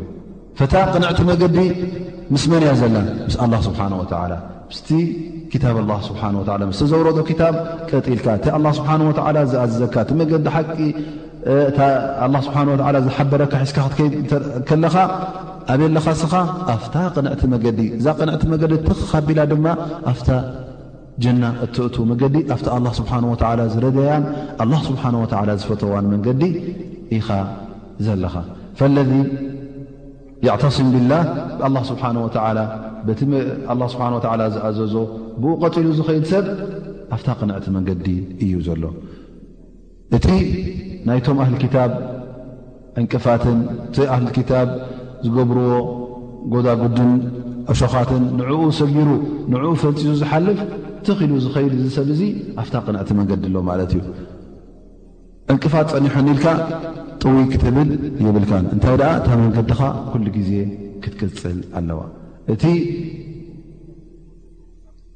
ኣህሊ ክታብ ዝደልይዎ ዘለዉ ካብ መገዲ ኣላ ስብሓን ወተዓላ ንኸውፁኻ ካብ ኢማንካ ንኸውፁኻ ዝደልዩ ዘለዉ ነዚ ነገር እዚ እውን ጥሒስካ ቃሎም ከይሰማዕካ ትእዛዛቶም ከይሰማዕካ እቲ ሶም ዝብሉኻ ምኽሪ ከይሰማዕካ ትኽኢልካ ምኽሪ ኣላ ስብሓን ወተዓላ ሰሚዕካ ክትከይድ ከለኻ ኣብቲ ቕኑዕ መገዲ ኣለኻ ማለት እዩ ምኽሪ ኣላህ ስብሓን ወተዓላ ጥራይ ክትቅበል ከለኻ ምኽሪ ካልኦት ኩሉ ክትነጽግ እንከለኻ ኣበይ ኣለኻ ማለት እዩ ኣብቲ ቕኑዕ መገዲ ኣለኻ ማለት እዩ ግን ምኽሪ ናይቶም ክሓት እንተ ትሰምዑ ኮንካ እሂን ኢልካ እዝ እንተ ትቦም ኮንካ እቲ ዝብሉኻ ዘለዉ ሰሚዕካ እወዚኦም ሲ ንዓይ ንኸይረይ ንብልፀተይ እፈትው እዮም ነቲ ዘለኹ መንገዲ ንዕኡ ክዕረየለይ ንኡ ክብልፅገድለይ ኢሎም እዮም ኢልካ እተ እዚ ዓይነት እምነት ኣለካ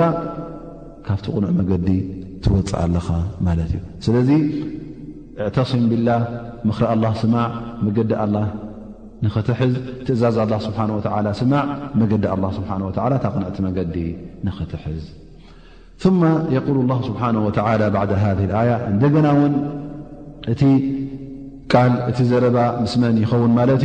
ست مؤمنين فيقول الله سبحانه وتعالى يا أيها الذين آمنوا اتقوا الله حق تقاته ولا تموتن إلا وأنتم مسلمون نداء وعي ك الله سبحانه وتعالى ذ وعن أن تمزأ منكم اتقوا الله حق تقاته ابن مسعود خفسره اتقوا الله حق تقاته ب قال أن يطاع فلا يعصى وأن يذكر فلا ينسى وأن يشكر فلا يكفر መስዑድ በዚ ፈሲርዋ ማለት እዩ እተቁ ላ ሓቃ ትቃት ክበሃል እንከሎ ንኣላ ስብሓን ወተዓላ ተማእዚዝካ ፈፂምካ ካብቲ ነቲ ትእዛዙ ንኸይትሰብር ኩሉ ግዜ እውን ክትዝክሮ ፈፂምካ እውን ከይትርስዖ ከምኡ እውን ኩሉ ግዜ ከተመስግኖን ፈጺምካ ውን ከይትኽሕዶን ማለት እዩ ኢሉ በዚ ይፍስራን ይትንትናን ማለት እዩ። እን ሻ ኣላ መቐጸልታና ውን ድሕሪ ኣዛን ይኸውን።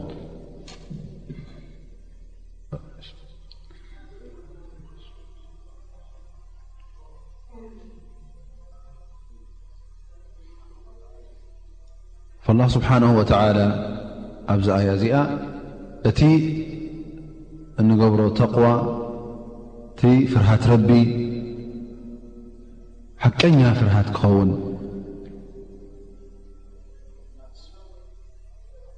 ምኽንያቱ ንኣላ ስብሓን ወተላ ኣነስ መልሓስካ ናይ ዝበልካዮ ወይ ከዓ በታ ሓደ ሓደ ነገራት እትገብሮ ኣነስ ናይ ብሓቀኛ ሞእሚን እ ኣነ ተቕዋለኒ እንተበልካ ንኣላ ስብሓን ወተላ ክተዐሽዎ ፈፂምካ ኣይትኽእልን ኢኻ ንዕኡ ክትጥብሮ እውን ኣይትኽእልን ኢኻ ስለዚ እቲ ተቕዋናካ ሓቀኛ ተቕዋ ክኸውን ኣለዎ ከምቲ ኣላ ስብሓን ወተላ ዝኣዘዞ ከምቲ ነቢና ምሓመድ ለ ሰለም ዝሓበርዎ እምበር በቲ ብቐትሪ ካልእ ብለይቲ ካልእ እናሰራሕካ ወይ ኣብ ቅድሚ ሰብ ጥዑይ ሰብ እናመሰልካ ካብ ሰብ ክትርሕቕ ከለኻ ካልእ ነገራት ክገብር ከለኻ እዚ ናይ ብሓቂ ፍርሃት ረቢ ዘለካ ሰብ ኣይኮንካን እንታይ ደኣ ፍርሃት ሰብ ኣለካ ወይ ከዓ ካልእ ናይ ኣዱንያ እትደልዮ ነገር ኣለካ እተኣ ኮይኑ እዚ ካልእ ጉዳይ ግን ብሓቂ ንኣላ ስብሓን ወላ እተ ትፈሮ ኮይንካ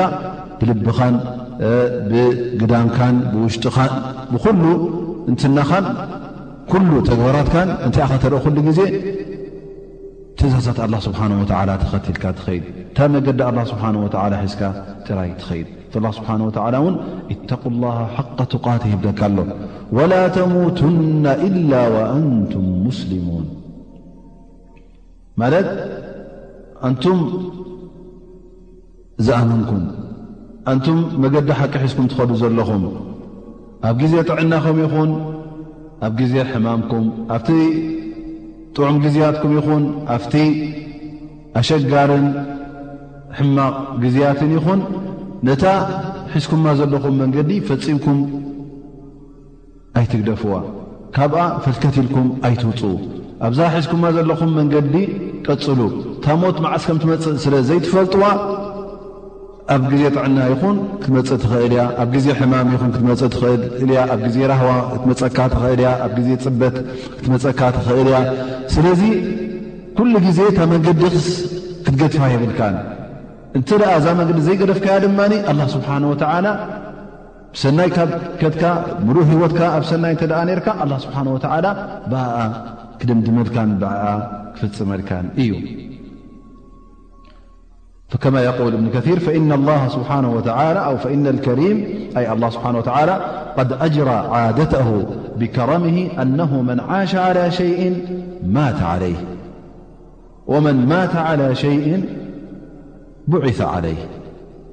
እተ ሓደ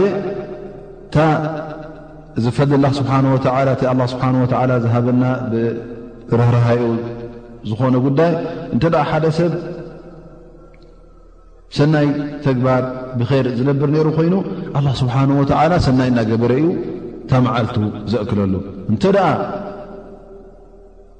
ሞይትካ ውን ዮም ኣልቅያማ በታ መጨረሻ ትገብራ ነበርካ ብኣ ኢኻ ትትንስእ ስለዚ እንተ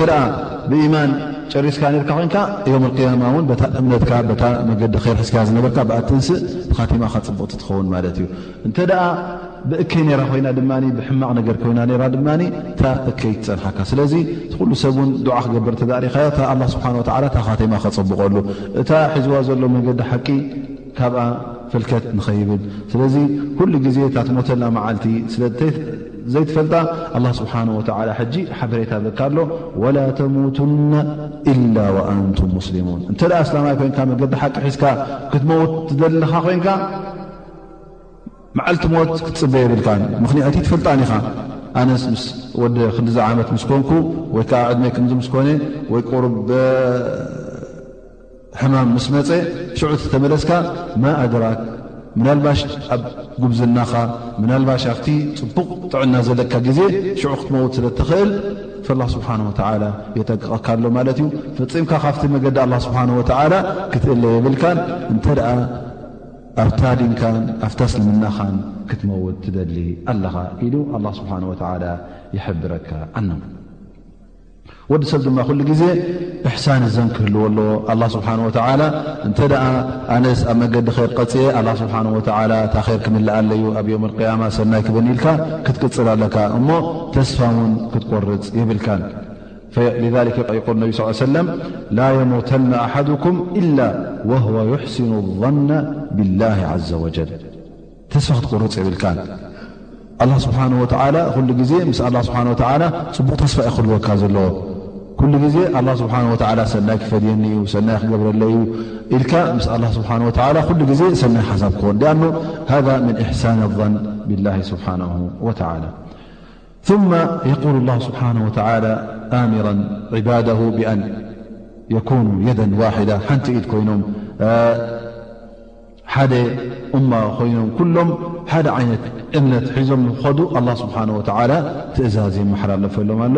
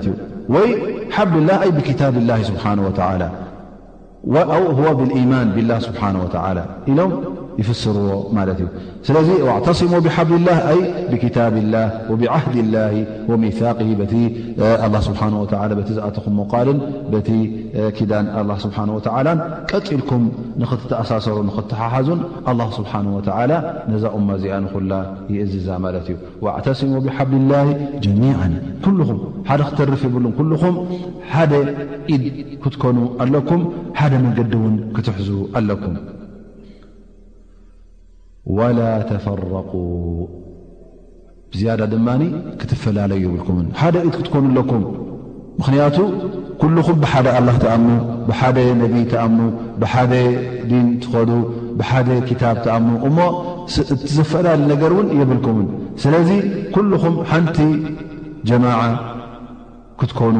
ይግባእ ማለት እዩ ላ ስብሓን ወተዓላ ፈፂምና ክንፈላለን ፈፂምና ንንሕድና ክንናቆትን ክንበኣስን ይኽልክለና ማለት እዩ ወነቢ ስለ ላ ሰለም ፊማ ረዋ ኣቡ ሁረይራ የቁል እና ላሃ የርዳ ለኩም ሰላሳ ወየስኸጡ ለኩም ሰላሳ ኣላ ስብሓን ወተዓላ ሰለስተ ነገራት ንኽትገብርዎን ይረድየልኩም ሰለስተ ነገራት እተደኣ ጌርኩምዎን እውን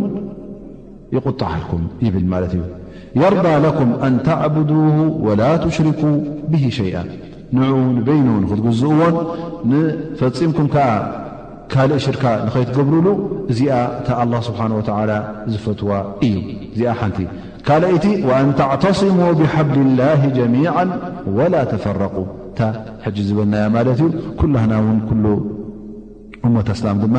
ኩላ ሓንቲ ኢድ ንክትከውን ኣብ መንጎኣ ፍልልይን ኣብ መንጎኣ ምፍንጣሕን ንኸይርከብ እዚ እውን ኣላ ስብሓን ወተዓላ ዝፈትወልኩም እዩ ወኣን ተናሳሑ መን ወላሁ ኣምረኩም ከምኡ ውን ነቶም መራሕትኹም ኩሉ ግዜ ነሲሓ ምኽሪ ንኽትብዎም ውን እዚ እውን ከተማኽርዎምን ወይከዓ ክትምኽርዎም ኣላ ስብሓን ወተዓላ ዝፈትዎ እዩ ተንጸልእን ግን ይብል እነቢ ስ ሰለም ወየስኸጡ ለኩም ላث ቂላ ወቃል ቤላ ቤለው ከምዚ ተባሂሉ ከምዙ ኢሉ ማለት እዩ በለካ ረክዓካብሉ ድማ እቲ ካብቲ ከተመሓላልፍ ከለኻ እዚ ኩሉ ሕጂ እንታይ እዩ ዘምፅእ ማለት እዩ ንገዛእ ርእሱ ፍርቃ እዩ ዘምፅእ ባእሲ እዩ ዘምፅእ ወከትረተ ኣስዋል ተዝብል ናይ ዓንተ ወይ ድማ ሕቶታት ከተብዝሐ ከለኻ ዘየድሊ ሕቶ እዚ እውን ኣላ ስብሓን ወተዓላ ኣይፈትዎን እዩ ከምኡ እውን ወኢዳዓት ልማል ገንዘብካ ክተጥፍእ ኣብ ዘይከውን ነገር ኣላ ስብሓን ወተዓላ ዘይፈትዎ ኣብ ማዕስያ ኣብ ሕማቕ ነገር ክተጥፍእ ከለኻ ድማ ተብዚር ስለ ዝቁፅር ኣላ ስብሓን ወተዓላ ኣይፈትዎን እዩ ብድሕሪ እዚ ኣላ ስብሓን ወተዓላ እውን ነቶም ኣስሓብ ነቢ ነቶም ብፆቶም ብዝሕልፊ ነቶም ኣብ መዲና ዝነበሩ ብዝያደ ኣላ ስብሓን ወተዓላ የዘኻኽሮም ማለት እዩ ወዝኩሩ ኒዕመት ላ ዓለይኩም እዝ ኩንቱም ኣዕዳእን ፈኣለፈ በይነ ቁሉብኩም ፈኣስባሕቱም ብኒዕመት ይዋና ኦስ ወኸዝርጅ ዝበሃል ነሮም ኣብ መዲና ክልተ ቀቢላ መጨረሻ ግዜ ነቢና ሓመድ ስ ሰለም እንታይ ተባሂሎም ተፀዊዖም ኣንሳር እዞም ክልተ ቀቢላ እዚኦም ምሉእ ዕድሚኦም እንታይ እዮም ነይሮም ነንሕዶም ይቃተሉ ቁሩብ ተዓረቑ እንደገና ካብ ኩናት ምቅታል ይምለሱ ካብቲኦም ገለ ይምውት ካብቲኦም ገለ ይውት ገለ ተዓርቑዎም እንደገና ከምዚ እናበሉ ይነብሩ ነይሮም ማለት እዮም ሓደ ዓድን ሓደ ቦታ እናተቐመጡ ከለዉ ሓደ ቋንቋ እንከለዉ እዚ ኩሉ ዝራኽቦም ነገራት እንከሎ እንታይ እዮም ነይሮም ማለት እዩ ኣብ ምንቋትን ኣብ ምቅታልን ላ ስብሓን ወተዓላ ነቢና ምሓመድ ስ ሰለም ምስ መፀ እዞም ሰባት እዚኦም ኩሎም ሓደ ኢድ ኮይኑ ሕውነት ገይሮም እቲ ኣብ መንጎኦም ዝነበረ ባእስን እቲ ቂምታን ጠፊኡ ብንፅህና ሓደ ኮይኖም ነይሮም ልቦም እውን ሓደ ኮይኑ ኣላ ስብሓን ወተዓላ ልቦም ኣሊፉሎም በዚ ኒዕማ እዚ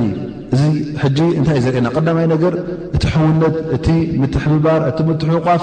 ኒዕማ ከም ምዃኑ ጸጋ ከም ምዃኑ ካብ ኣላ ስብሓን ወተዓላ ዝወሃብ ሽሻይ ከም ምዃኑ ይሕብረና ላ ስብሓን ወተዓላ ዩዘኪርሁም ብዛሊክ ወዝኩሩ ኒዕመት ላሂ ዓለይኩም እዚ ነገር እዚ እውን ካብ ኣላ ዝወረደኩም ኒዕማ ዩ ድኣ እምበር ብኢትኩም ዝተውሃበኩም ኣይኮነን ምኽንያቱ ነቢና ሙሓመድ ስ ሰለም ምስ መፀ ሽዑ እዮም ሓደ ኢድን ሓደ ልብን ኮይኖም ድኣ እምበር ቅድሚኡ ነንሕዶ ምቃታል እዮም ነሮም ኢዝ ኩንቱም ኣዕዳእን ንንሕትኩም እኮ ፀላእቲ ኢኹም ነርኩም ትፋተው ኣይነበርኩምን ፈፂምኩም ኣብ ሓደ መኣዲ ትቐርቡ ይነበርኩምን ሕውነት ኣይነበረኩምን ግን ኣላ ስብሓን ወተላ ኣለፋ በይነ ቅሉብኩም እቲ ልቢ ብየማንን ፀጋምን ርሒቑ ዝነበረ ኣላ ስብሓን ወተዓላ ንኽልቲኡ ኣቀራሪቡ ሓደ ገይርዎ ፈኣስባሕቱም ብኒዕመት እኽዋና በቲ ሽሻይ ኣላ በቲ ፀጋ ኣላ ስብሓን ወተዓላ እውን እንታይ ኮንኩም ኢሉ የዘክሮም ኣሎ ነዞም ኣንሳር ሓው ኣሕዋት ኮንኩም ይብሎም ማለት እዩ ኣብ ርእሲ እዚ ጥራይ እዚ እውን ኣይኮነን ገና የዘኻኽሮም ኣሎ ወኩንቱም ዓላ ሸፋ ሑፍረት ምን ኣናር ንስኹም እኮ ኣብቲ ገምገም እሳት ኢኹም ነርኩም ኣብቲ ጠረፍ እሳት ኢኹም ነርኩም ፍታ ገምገም እንተ ኣለኻ እንታይ ማለት እዩ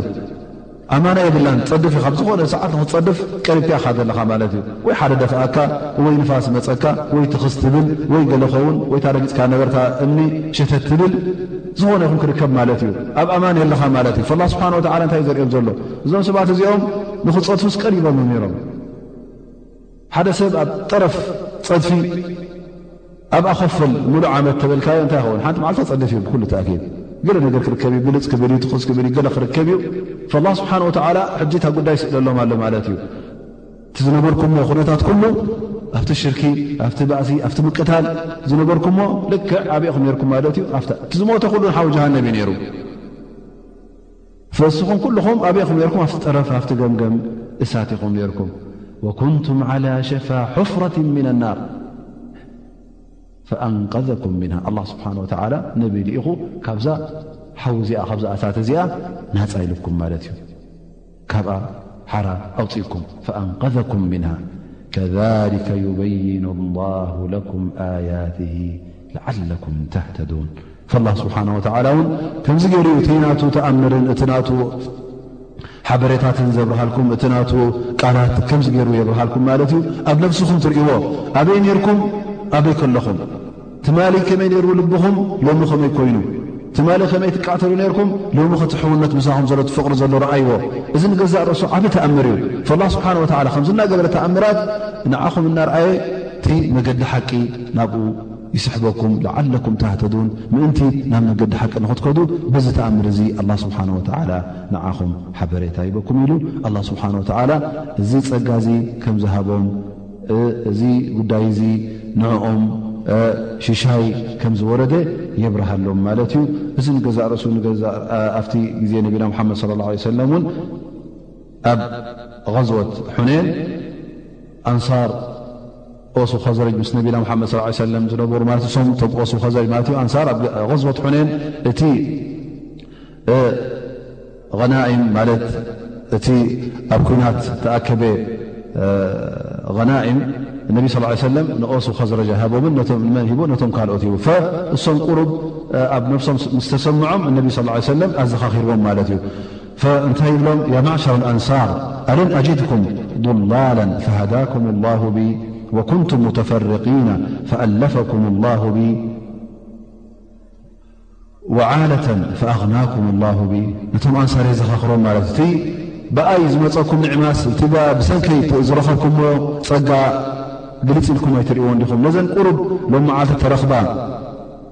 ሰለም ዝሃብናየን ነተነተን ዝሃብናዮም ናይ ኣዱንያስ ንዕኡስ ግልጽ ክትብሉ የብልኩምን እስኹም እኮ ኣነ ክመጸኩም ከለኹ እንታይ ኢኹም ነርኩም ድላን ጥፉኣት ኢኹም ነርኩም መገዲ ሓቂ ትፈልጡ ኣይነበርኩምን ብሰንከይ ብመልእኽተይ መገዲ ሓቂ ሒዝኩም ብድሕሪኡ እውን ነንሕድኩም ትቃተሉን ትጻልኡን ኔርኩም፣ ሓደ ሰ ኢድ ገይረኩም፣ ከምኡውን ድኻታት ኢኹም ኔርኩም፣ ፈጺሙ ገለ ነገር ኣይነበረኩምን፣ ኣነ ምስ መጻእኩ ድማ እታ ዓዲ እታ መዲና ሃፍቲማ ኢሉ ተዛሪቦም። ከምዚ እንክብል እንከሎ ኩሉ ግዜ እንታይ ይብሉ ኔሮም ኣላሁ ወረሱሉሁ ኣመን፣ እወ እዚስ ኩሉ ኣላ ካብ ኣላህን ካብ ረሱሉን ዝመጸና እሶም እዮም ብዝያዳ ገይሮምና እምበር እሕናስ እንታይ ገይርና ኢሎም ይተኣማመኑ ኔሮም ማለት እዩ። እዚ እንታይ እዩ ዘርእየና ኣላህ ስብሓን ወተዓላ ዓብዪ ሽሻይ ከም ዘውረደሎም እቲ ሽሻይቲ እውን ገዛእ ርእሱ ተኣምር ከም ዝነበረ ኣያ ከም ዝነበረ ሓበሬታ ከም ዝነበረ ብዝያዳ መብርሂ ከም ዝነበረ ይሕብረልና ማለት እዩ ናይ ኢሎም መዓልቲ ደርስና ኣብዚ ድምደም ክሳዕ ኢማምና ሱና ትሰግድ ተን ከም ልምድና ተን ሒዝናየን ዘለና ፋይዳ ሓደ ክልተ ንዕአን ንጠቅስ ወይ ሕቶ እተ ኣሎ ድማ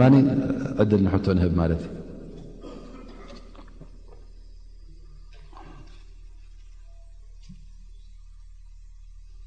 እዩ ሰላማት ተመሊሱ የብልኩም ዕድል ን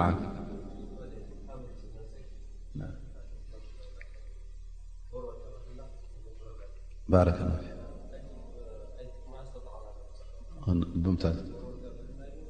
ክንገብር የብልናን ፈጺምና። ባረከላ ፊክ እታ ሎም መዓልቲ ሓንቲ ዝሓዝናያ ፋይዳ ይብል ኣላ ስብሓን ወተዓላ ዝኣዝዘና ብዝከኣለና መጠን ክንገብሮ ኣለና እቲ ኣይትግበርዎ እተባሃልና ግን ፈፂምና ክንቀርቦ የብልናን ብዝከኣለና ክንገድፎ ኢና ይንብለ ኢና እንታይ ደኣ ፈፂምና ክንገድፎ ኣለና ካብኡ ክንረሕቕ ኣለና ኣቆሉ ቀውሊ ሃ ኣስኣል ላ ስብሓን ወተላ ኣን የንፋዓኒ ወእያኩም ብማ ሰሚዕና ወለ ላ ላ ነብይና ሙሓመድን ላ ሊ ወሰሕቢ ወሰለም